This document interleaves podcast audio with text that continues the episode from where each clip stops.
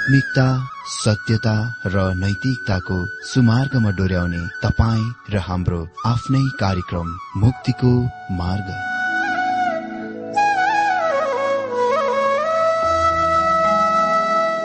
आदरणीय श्रोता यस मुक्तिको मार्ग कार्यक्रममा हार्दिक स्वागत छ। आशा छ यस आत्मिक कार्यक्रमद्वारा जीवनमा आत्मिक आशिष अलौकिक शान्ति र आनन्द प्राप्त गर्नुहुनेछ। र जीवनमा धन्य अनुभव गर्नुहुनेछ। आउनुहोस् श्रोता। मन र आत्माको तयारीको लागि यो मिठो अनि मधुर भजन गीत सुनौ।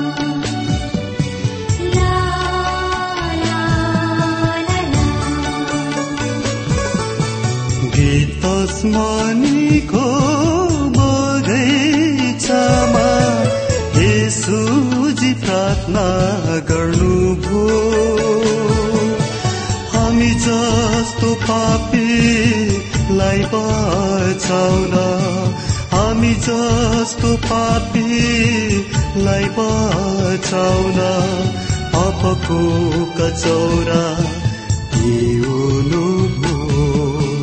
पापको कचौरा भू। गीत स्मनीको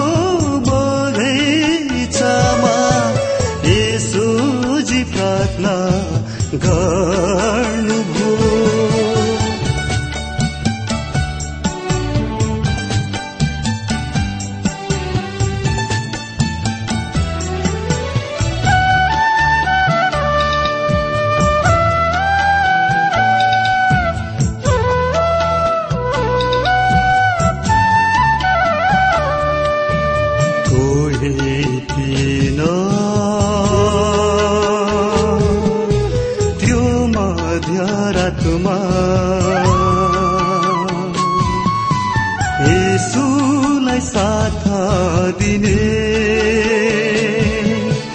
कोही थिएन। त्यो मध्यरातमा। यसुलाई साथ दिने। आफ्नै चेलाले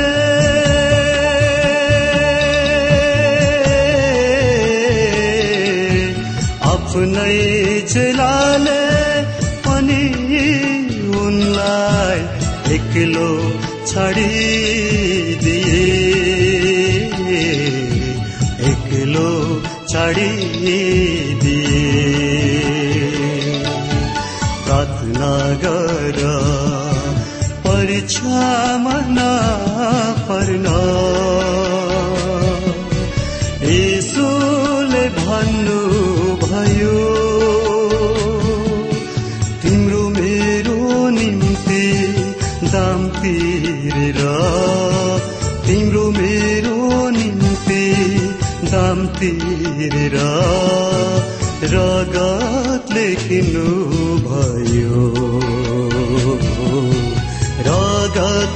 किन्नु भयो।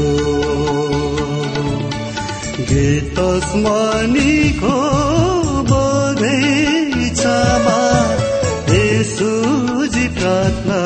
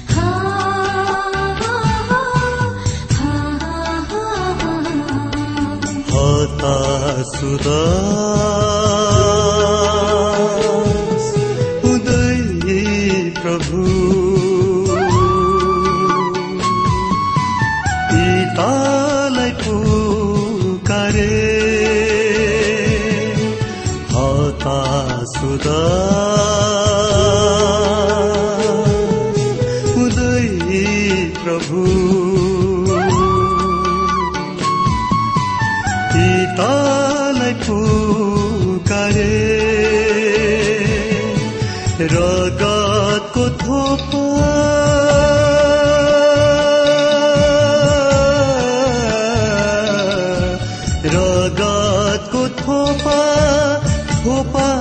पसिना प्रार्थनामा बगाए। प्रार्थनामा बगाए। जागार हो mama.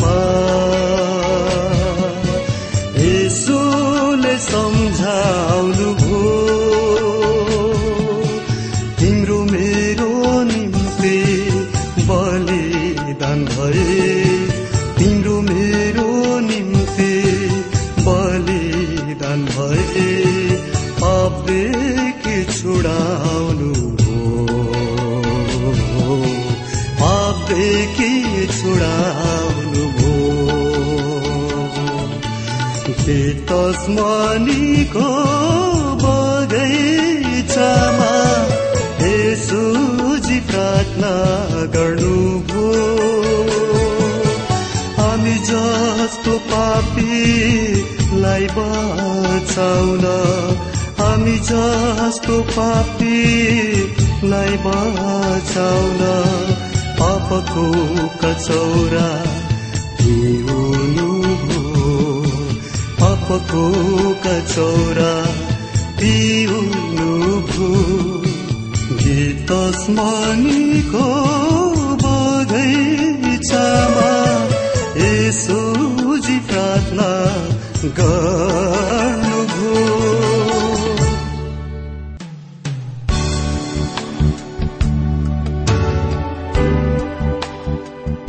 प्रिय श्रोता यो प्रसारण मार्फत यो अवगत गराउन चाहन्छौ कि प्रभुको सेवाको लागि यहाँहरूको साझेदारी नित्यन्त आवश्यकता छ। यहाँहरूले प्रार्थनाको साथसाथै आर्थिक सहायता गर्न अनुरोध गर्दछौ। तपाईँहरूको सानो भन्दा सानो भेटी किन नहोस्? हामी प्रभुको नाममा स्वीकार गर्नेछौ प्रभुको सेवाको लागि। तपाईँहरूको यो सानो लगानीले कसैको जीवनमा भिन्नता ल्याउँछ अनि प्रभुको महिमा हुन्छ। प्रभु तपाईँहरूलाई महान गरी आशिष दिनुहुनेछ। इच्छुक श्रोताहरूले तपाईँको इच्छा भेटी हाम्रो ठेगानामा पठाउन सक्नुहुन्छ जुन ठेगाना हामी कार्यक्रमको अन्तमा दिनेछौं। प्रिय श्रोता मित्र प्रभु येशु ख्रिष्टको मधुर अनि सामर्थ्य नाममा मेरो जयमसी तथा हार्दिक स्वागत छ आजको यो बाइबल अध्ययन कार्यक्रममा। श्रोता म आशा गर्दछु कि तपाईँ सबै आनन्द कुशलै हुनुहुन्छ। आज पवित्र धर्मशास्त्र बाइबलको क्रमबद्ध र श्रृंखलाबद्ध अध्ययनको क्रममा हामी सपन्या तीन अध्यायबाट अध्ययन गर्न गइरहेका छौं।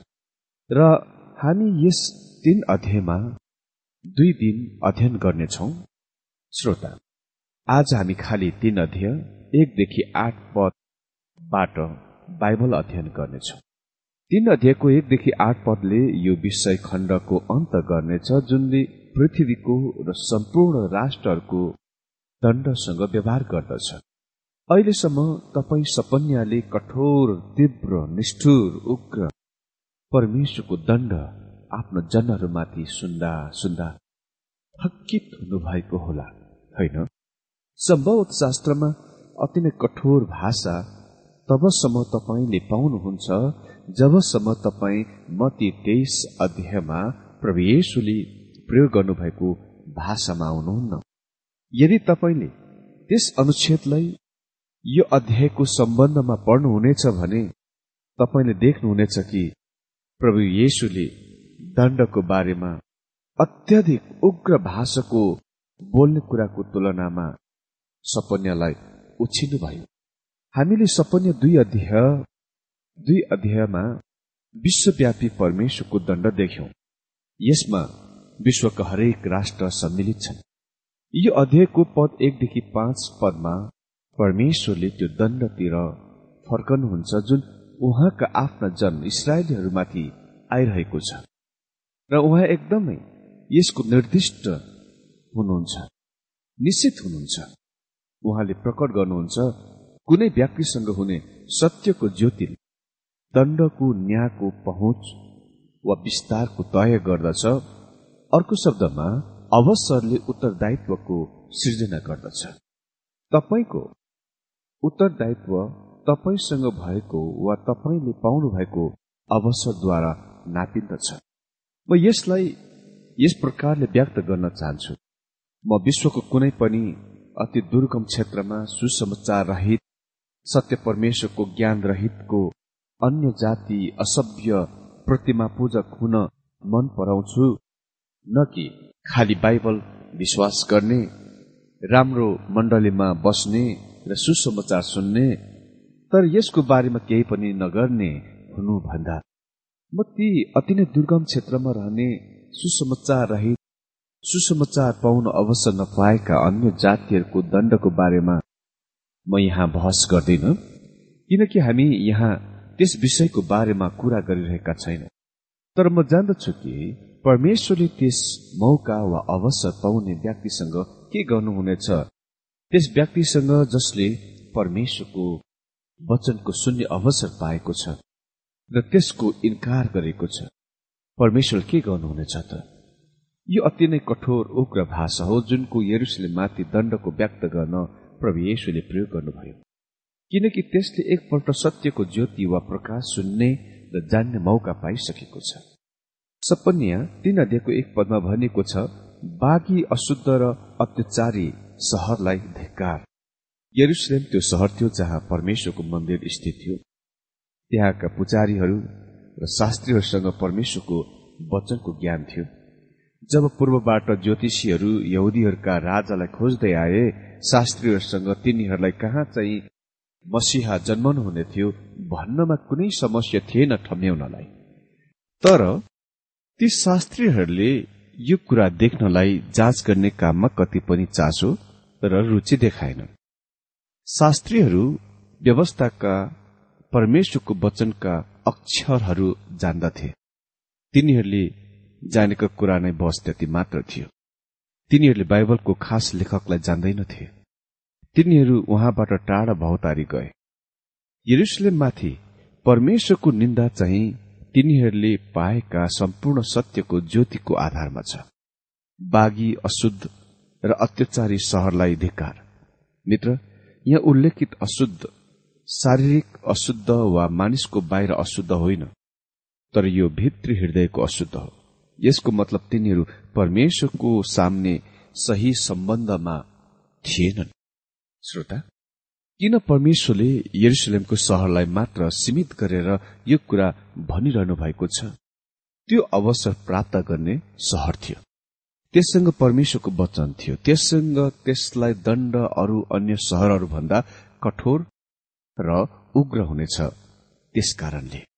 परमेश्वरले यरुसलेमलाई खालि बाघी र अशुद्ध मात्र भन्नुहुन्न तर उहाँले यसलाई अत्याचारी सहर पनि भन्नुहुन्छ। त्यो अत्याचारी सहर यस कारणले थियो किनभने त्यसले त्यहाँका मानिसहरूको विशेष गरेर गरीब दिनहरूको मौलिक अधिकारहरूको सम्मान गरेन। त्यसले तिनीहरूलाई विचार ख्यालै गरेन। त्यसले दिन र गरीबहरूलाई अत्याचार र शोषण गर्यो। अनि यो कुरा आज हाम्रो मुलुकमा वा विश्वमा कुनै नौलो कुरो होइन। गरीब दिनहरूको निम्ति उचित इन्साफ र न्याय भन्ने कुरा कहीँ छैन। परमेश्वरले भन्नुभयो उहाँले गरीबप्रति तिनीहरूका अत्याचारको लागि यरुसलेमको सहरलाई दण्ड दिनुहुनेछ। र यसरी हामी जान्दछौ कि हाम्रा मुलुकहरूमा वा विश्वका कुनै पनि मुलुकमा गरीब र दिनहरू माथिको अत्याचार र शोषणको बारेमा उहाँ वास्तवमा कस्तो महसुस गर्नुहुँदो रहेछ। मित्र परमेश्वर आफ्नो दण्डको भन्ने कुराको अन्त गर्नुभएको छैन। उहाँले तिनीहरूका पापहरूको एक एक गरेर निरन्तर बताउनुहुन्छ खुलस्त गरिदिनुहुन्छ। दुई पदमा भनिएको छ त्यसले कसैको आज्ञा मान्दैन सही कुरालाई ग्रहण गर्दैन त्यसले परमप्रभुमा भरोसा राख्दैन त्यो आफ्ना परमेश्वरको नजिकमा आउँदैन मित्र यहाँ लेखिएको छ त्यसले कुनै कुरा सुन्दैन। त्यो सहर परमेश्वरप्रति अनज्ञाकारी थियो। त्यस सहरले परमेश्वरबाट आवाज कुरा सुन्थ्यो तर उहाँप्रति अनज्ञाकारी बनेथ्यो।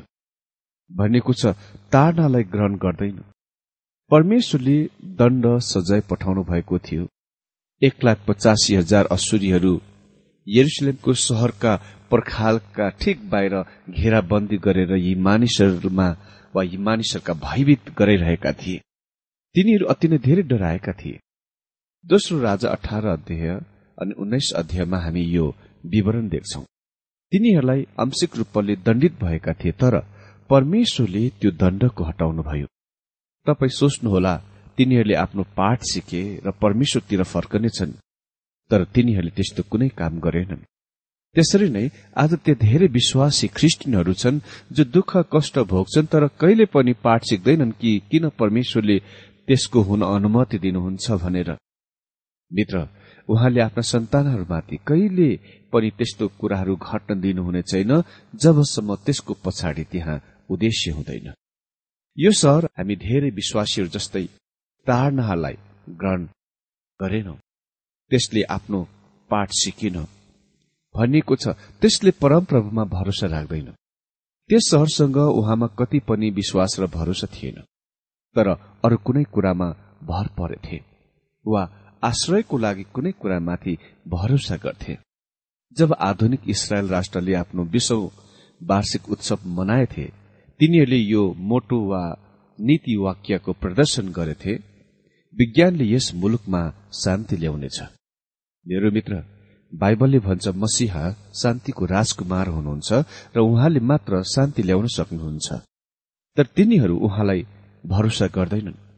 तिनीहरू विज्ञानलाई विश्वास भरोसा गर्दछन्। त्यो विश्व वार्षिक उत्सवपछि मलाई विश्वास गर्नुहोस् इसरायल अति नै ठूलो समस्यामा पर्यो। विज्ञानले त्यस मुलुकमा शान्ति ल्याएन अनि अमेरिकाले पनि त्यस राष्ट्रमा शान्ति ल्याएको छैन।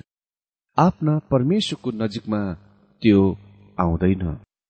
अर्को कुरा यहाँ हामी देख्छौ आफ्नो परमेश्वरको नजिकमा त्यो आउँदैन। आज पनि मानिसहरू परमेश्वरतिर आइरहेका छैनन्। तिनीहरू परमेश्वरबाट जति चाँडो हुन सक्छ त्यति नै चाँडो भागिरहेका छन्। ओ यो यरुसलेमको सहरको कस्तो तस्विर छ? तीन पद। त्यसका अधिकारीहरू गर्जने सिंहहरू र त्यसका शासकहरू चाहिँ बिहानसम्म केही बाँकी नराख्ने साँझका बुवासार हुन्। त्यसका अधिकारीहरू भादाहरू त्यसका बीचमा गर्जने सिंहहरू हुन्। सिंहहरू। परमेश्वरले अहिले राष्ट्रको लिडरसिप वा अगुवाको बारेमा कुरा गरिरहनु भएको छ। जब दण्डको बारेमा बोल्नुहुन्छ तपाईँ कुनै सहर वा राष्ट्रको लिडरसिपको बारेमा कुरा गर्नै पर्छ। विश्वका कुनै पनि राष्ट्रमा जब मानिसहरूले आफ्ना शासन बागडोर चलाइरहेका हुन्छन् तिनीहरू सधैँ जनताहरू भनिरहेका हुन्छन् कि तिनीहरू जनताहरूको बारेमा सोच्न विचार गर्न ध्यान दिन गइरहेका छन् सहायता दिन वा जनताको निम्ति केही काम गर्न गइरहेका छन्। तपाईँलाई भनौँ कसैले पनि गाउँ स्तरमा सहर स्तरमा जिल्ला स्तरमा वा राष्ट्रिय स्तरमा मित्र केही पनि गरिरहेका छैनन्। किन? किनभने तिनीका शासकहरू त्यसको बीचमा गर्जने सिंहहरू हुन्। तिनीहरू खालि ठूला आवाज हल्लाहरू मात्र बनाउँछन्। भनिएको छ त्यसको न्यायकर्ताहरू साँझका बुवासार हुन्। आज हामीसँग बुवासारका लागि दोस्रो अर्थ छ अनि मलाई निश्चय त छैन तर परमेश्वरले त्यस विचारलाई यहाँ पनि सम्मिलित गर्नुभयो। त्यसका न्यायकर्ताहरू साँझका बुवासार हुन्। अर्को शब्दमा तिनीहरू दिन र रात काम गर्न इच्छुक छन्। तर जनताहरूको लागि होइन तर तिनीहरू आफ्नै स्वयंको लागि भनिएको छ। तिनीहरू भोलिपल्ट बिहानसम्म नराख्ने साँझका बुवासार हुन्।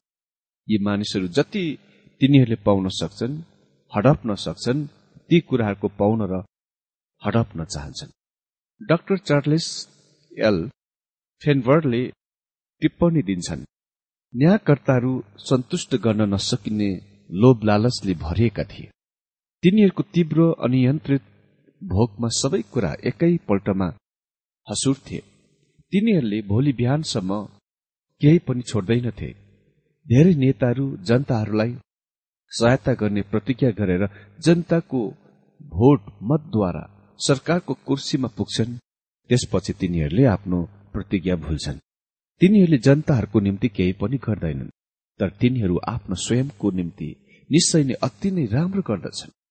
तिनीहरू आफ्ना कार्यकालबाट अवकाश लिने समयसम्ममा त तिनीहरू अति नै सुसम्पन्न व्यक्ति बनिसकेका हुन्छन्। अनि यो कुरा हाम्रो निम्ति कुनै नौलो कुरो होइन। यो नै कुराको परमेश्वर दण्ड दिनुहुन्छ। यहुदाको राष्ट्रले परमेश्वरको वचनको सत्यताको पाएको थियो तर त्यसले त्यो सत्यताको ज्योतिलाई इन्कार गर्यो र आफ्नै इच्छा अनुसारको पापमय जीवन जियो। चार पदमा लेखिएको छ त्यसका अगमवक्ताहरू हट्टी तिनीहरू विश्वासघाती मानिसहरू हुन्। त्यसका पुजारीहरूले पवित्र स्थानलाई अशुद्ध पार्छन् र तिनीहरूले व्यवस्थालाई उल्टा पुल्टा पार्दछन्। मित्र भनिएको छ त्यसका अगमवक्ताहरू लापारवाही छन्। यसको मतलब तिनीहरूले वास्तवमा खास परमेश्वरको वचन दिँदैनन्। तिनीहरू खालि मानिसहरूलाई खुसी पार्ने घिउ दलेका मिठा मिठा वचन मात्र दिन्छन् ताकि मानिसहरू सधैँ उनीहरूसँग खुसी हुन सकुन्। तिनीहरू दण्डको बारेमा नर्कको बारेमा र ख्रिष्ट कहाँ पापीहरूको लागि आउनु पर्ने आवश्यकताको बारेमा कुरा गर्दैनन् किनकि मानिसहरू यस प्रकारको सन्देश सुन्न चाहँदैन आज यो धेरै प्रचारकहरूको निम्ति पनि बिल्कुल सत्य छ तर वास्तवमा यो कस्तो दैन्य कुरा। टीभीको बिरामीलाई रुगा खोकीको दबाई दिने कुरा जस्तै भएन र के यसले त्यस टीभीको बिरामीलाई निको पार्दछ भनिएको छ। धिक्कार त्यस्ता सेवकहरूलाई जो ती तमाम मानिसहरूको आत्मिक स्वास्थ्य बिगार्ने कामको लागि जवाबदेही छन् र परमेश्वरको सामने एक दिन लेखा दिनुपर्नेछ। मित्र हामीले सधैँ सत्यको प्रकाश गर्नुपर्छ। त्यससँग कुनै सम्झौता हुनु हुँदैन। लेखेको छ त्यसका भविष्य वक्ता अविश्वासी मानिसहरू हुन्। यसको मतलब तिनीहरू धर्मको व्यापारीहरू थिए।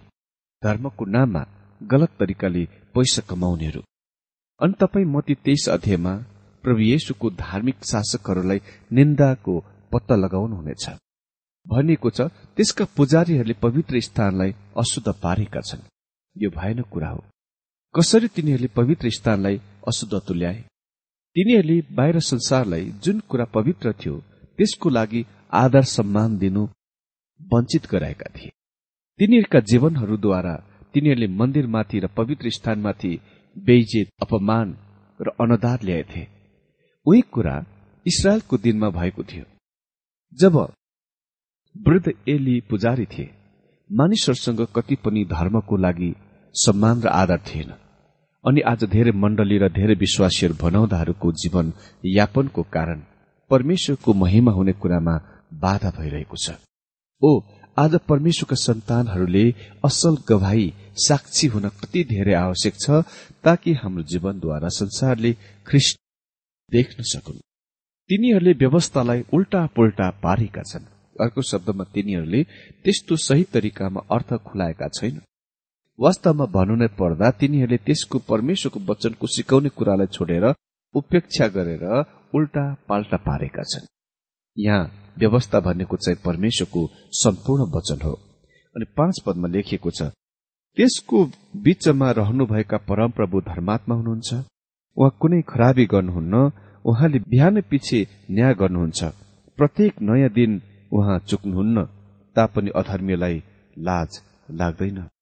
त्यसको बीचमा रहनु भएको परमप्रभु धर्मी हुनुहुन्छ। उहाँ अधर्म गर्नुहुन्न।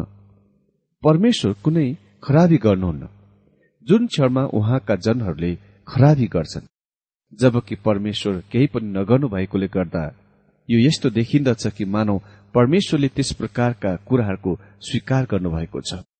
तर परमेश्वर भन्नुहुन्छ उहाँ दण्डमा चाल चल्न वा बढ्न संकल्प गर्नुहुन्छ। परमेश्वरले कुनै अधर्म गर्नुहुन्न? उहाँले बिहान बिहानै आफ्नो न्याय प्रकट गर्नुहुन्छ तर अन्याय मानिसहरूलाई लाज लाग्दैन। अन्याय अधर्मी खालि निरन्तर पापमै लिप्त भइरहन्छन्। त्यस्ता त्यस्ता कुराहरूमा कति पनि लाज लाग्दैन जस्तो कि अन्य मानिसहरूलाई लाज लाग्छ। तिनीहरू लाज शरम पचेका हुन् अहिले हामीसँग पद छ देखि आठमा भविष्यमा आइरहेको महाक्लेश अवधिको परम प्रभुको महान दिनको तस्विर छ जुनको बारेमा सपन्याले प्रकट गरे। सपन्या यरुसलेमको शहरको बारेमा बातचितदेखि लिएर अन्तिम दिनहरूमा संसारका राष्ट्रको बारेमा बातचिततिर बढ्छन्। यो आर्मागदनको युद्ध हो जुन पृथ्वीमा ख्रिस्टको आगमनसँग अन्त हुन्छ। छ पद पढिदिन्छु मैले जाति जातिहरूलाई नाश गरेको छु। तिनीहरूका गढहरू उजाड पारिदिएको छु। मैले तिनीहरूका सड़कहरू निर्लज तुल्याइदिएको छु। तिनमा कोही हिँड्दैनन्। तिनीहरूका सहरहरू नष्ट भएका छन्। त्यो एउटै पनि छोडिने छैन। मित्र यदि तपाईँ विश्वको इतिहासहरूको पाना पल्टाएर हेर्नुहुन्छ भने तपाईँ पत्ता लगाउनुहुनेछ कि धेरै साम्राज्यहरू उदय भए धेरै सभ्यताहरू उदय भए धेरै सहरहरू उदय भए तर परमेश्वरले तिनीहरू सबैमाथि दण्ड ल्याउनु भयो। तिनीहरूको पापको कारण। र आज कति राष्ट्रहरू कति सहरहरू उजाड विध्वंसको भग्नावशिषमा पस्रिरहेका छन्। यो जीवित सबुत हो कि परमेश्वर दण्डमा चाल चल्नुभयो अनि सात पद पनि पढिदिन्छु। मैले सहरलाई भने तैले निश्चय नै मेरो त्रास मान्नेछस् मेरो ताडना ग्रहण गर्नेछस् तब त्यसको बस्ने ठाउँ त्यागिने थिएन। र मेरो सबै दण्डहरू त्यसमाथि पर्ने थिएन। तर भ्रष्टतापूर्वक सबै काम गर्नलाई तिनीहरू झन बढी बढी उत्सुक भए। दण्डको चेतावनीहरू र तिनीहरूमाथि आएका सानो दण्डको दण्डले तिनीहरूमाथि कुनै प्रभाव पारेन असर गरेन। आखिरमा त्यसले परमप्रभुको महान दिन दण्डको अन्तिम समयलाई ल्याउनेछ जुन यस पृथ्वीमाथि आइरहेको छ। आठ पद पनि पढिदिन्छु। यसकारण परमप्रभु भन्नुहुन्छ गवाई दिन म खडा हुने दिनसम्म तिमीहरू मलाई पर्खिरह। जाति जातिहरूलाई जम्मा गर्न र राज्य राज्यलाई भेला गर्न। अनि तिनीहरूमाथि मेरो रिस पोखाउन। सबै रिस पूरा खन्याउन मैले निर्णय गरेको छु। सम्पूर्ण पृथ्वी मेरो डाहाको आगोले भस्म हुनेछ। तपाईँ र म रहिरहेको पृथ्वी दण्डतिर बढ़िरहेको छ। यद्यपि मानिसहरू यसको विश्वास नगरे तापनि तिनीहरू दण्डतिर बढ़िरहेका छन्। यो त्यो दण्ड हो जुनको प्रारम्भ हुनेछ जब येशु क्रिस्ट यो पृथ्वीमा आफ्ना मण्डलीको लागि वापस आउनुहुनेछ अनि त्यो त्यसपछि महाक्लिस अवधिसँग आरम्भ हुन्छ र यो पृथ्वीमा आफ्ना राज्य स्थापना गर्न आउनुहुँदा सो दण्ड अन्त हुनेछ। परमेश्वर आजको बाइबल अध्ययनद्वारा हरेकलाई धेरै धेरै आशिष दिनुभएको होस्।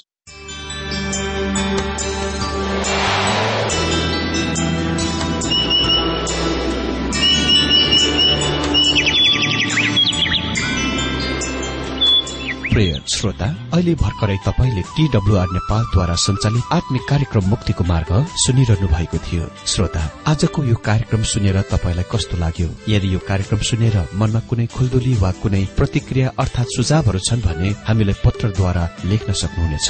हामी हृदयदेखि नै स्वागत गर्नेछौ स्वीकार गर्नेछौ साथै बाइबल सम्बन्धित प्रचारहरू कार्यक्रम सारणीहरू हामी अनुरोधमा पठाउन सक्छौ। अनि तपाईँसँग कुनै प्रार्थनाको विषय छन् भने हामीले तपाईँको लागि प्रार्थना गरेको चाहनुहुन्छ। हुनुहुन्छ भने प्रभुमा आफ्नै परिवार सम्झेर हामीलाई पत्रमा लेख्न सक्नुहुनेछ। तपाईँको लागि हामी प्रभु येशुसँग प्रार्थना गर्नेछौ। अधिक जानकारी र पत्रचारको लागि हाम्रो ठेगाना यस प्रकार छ।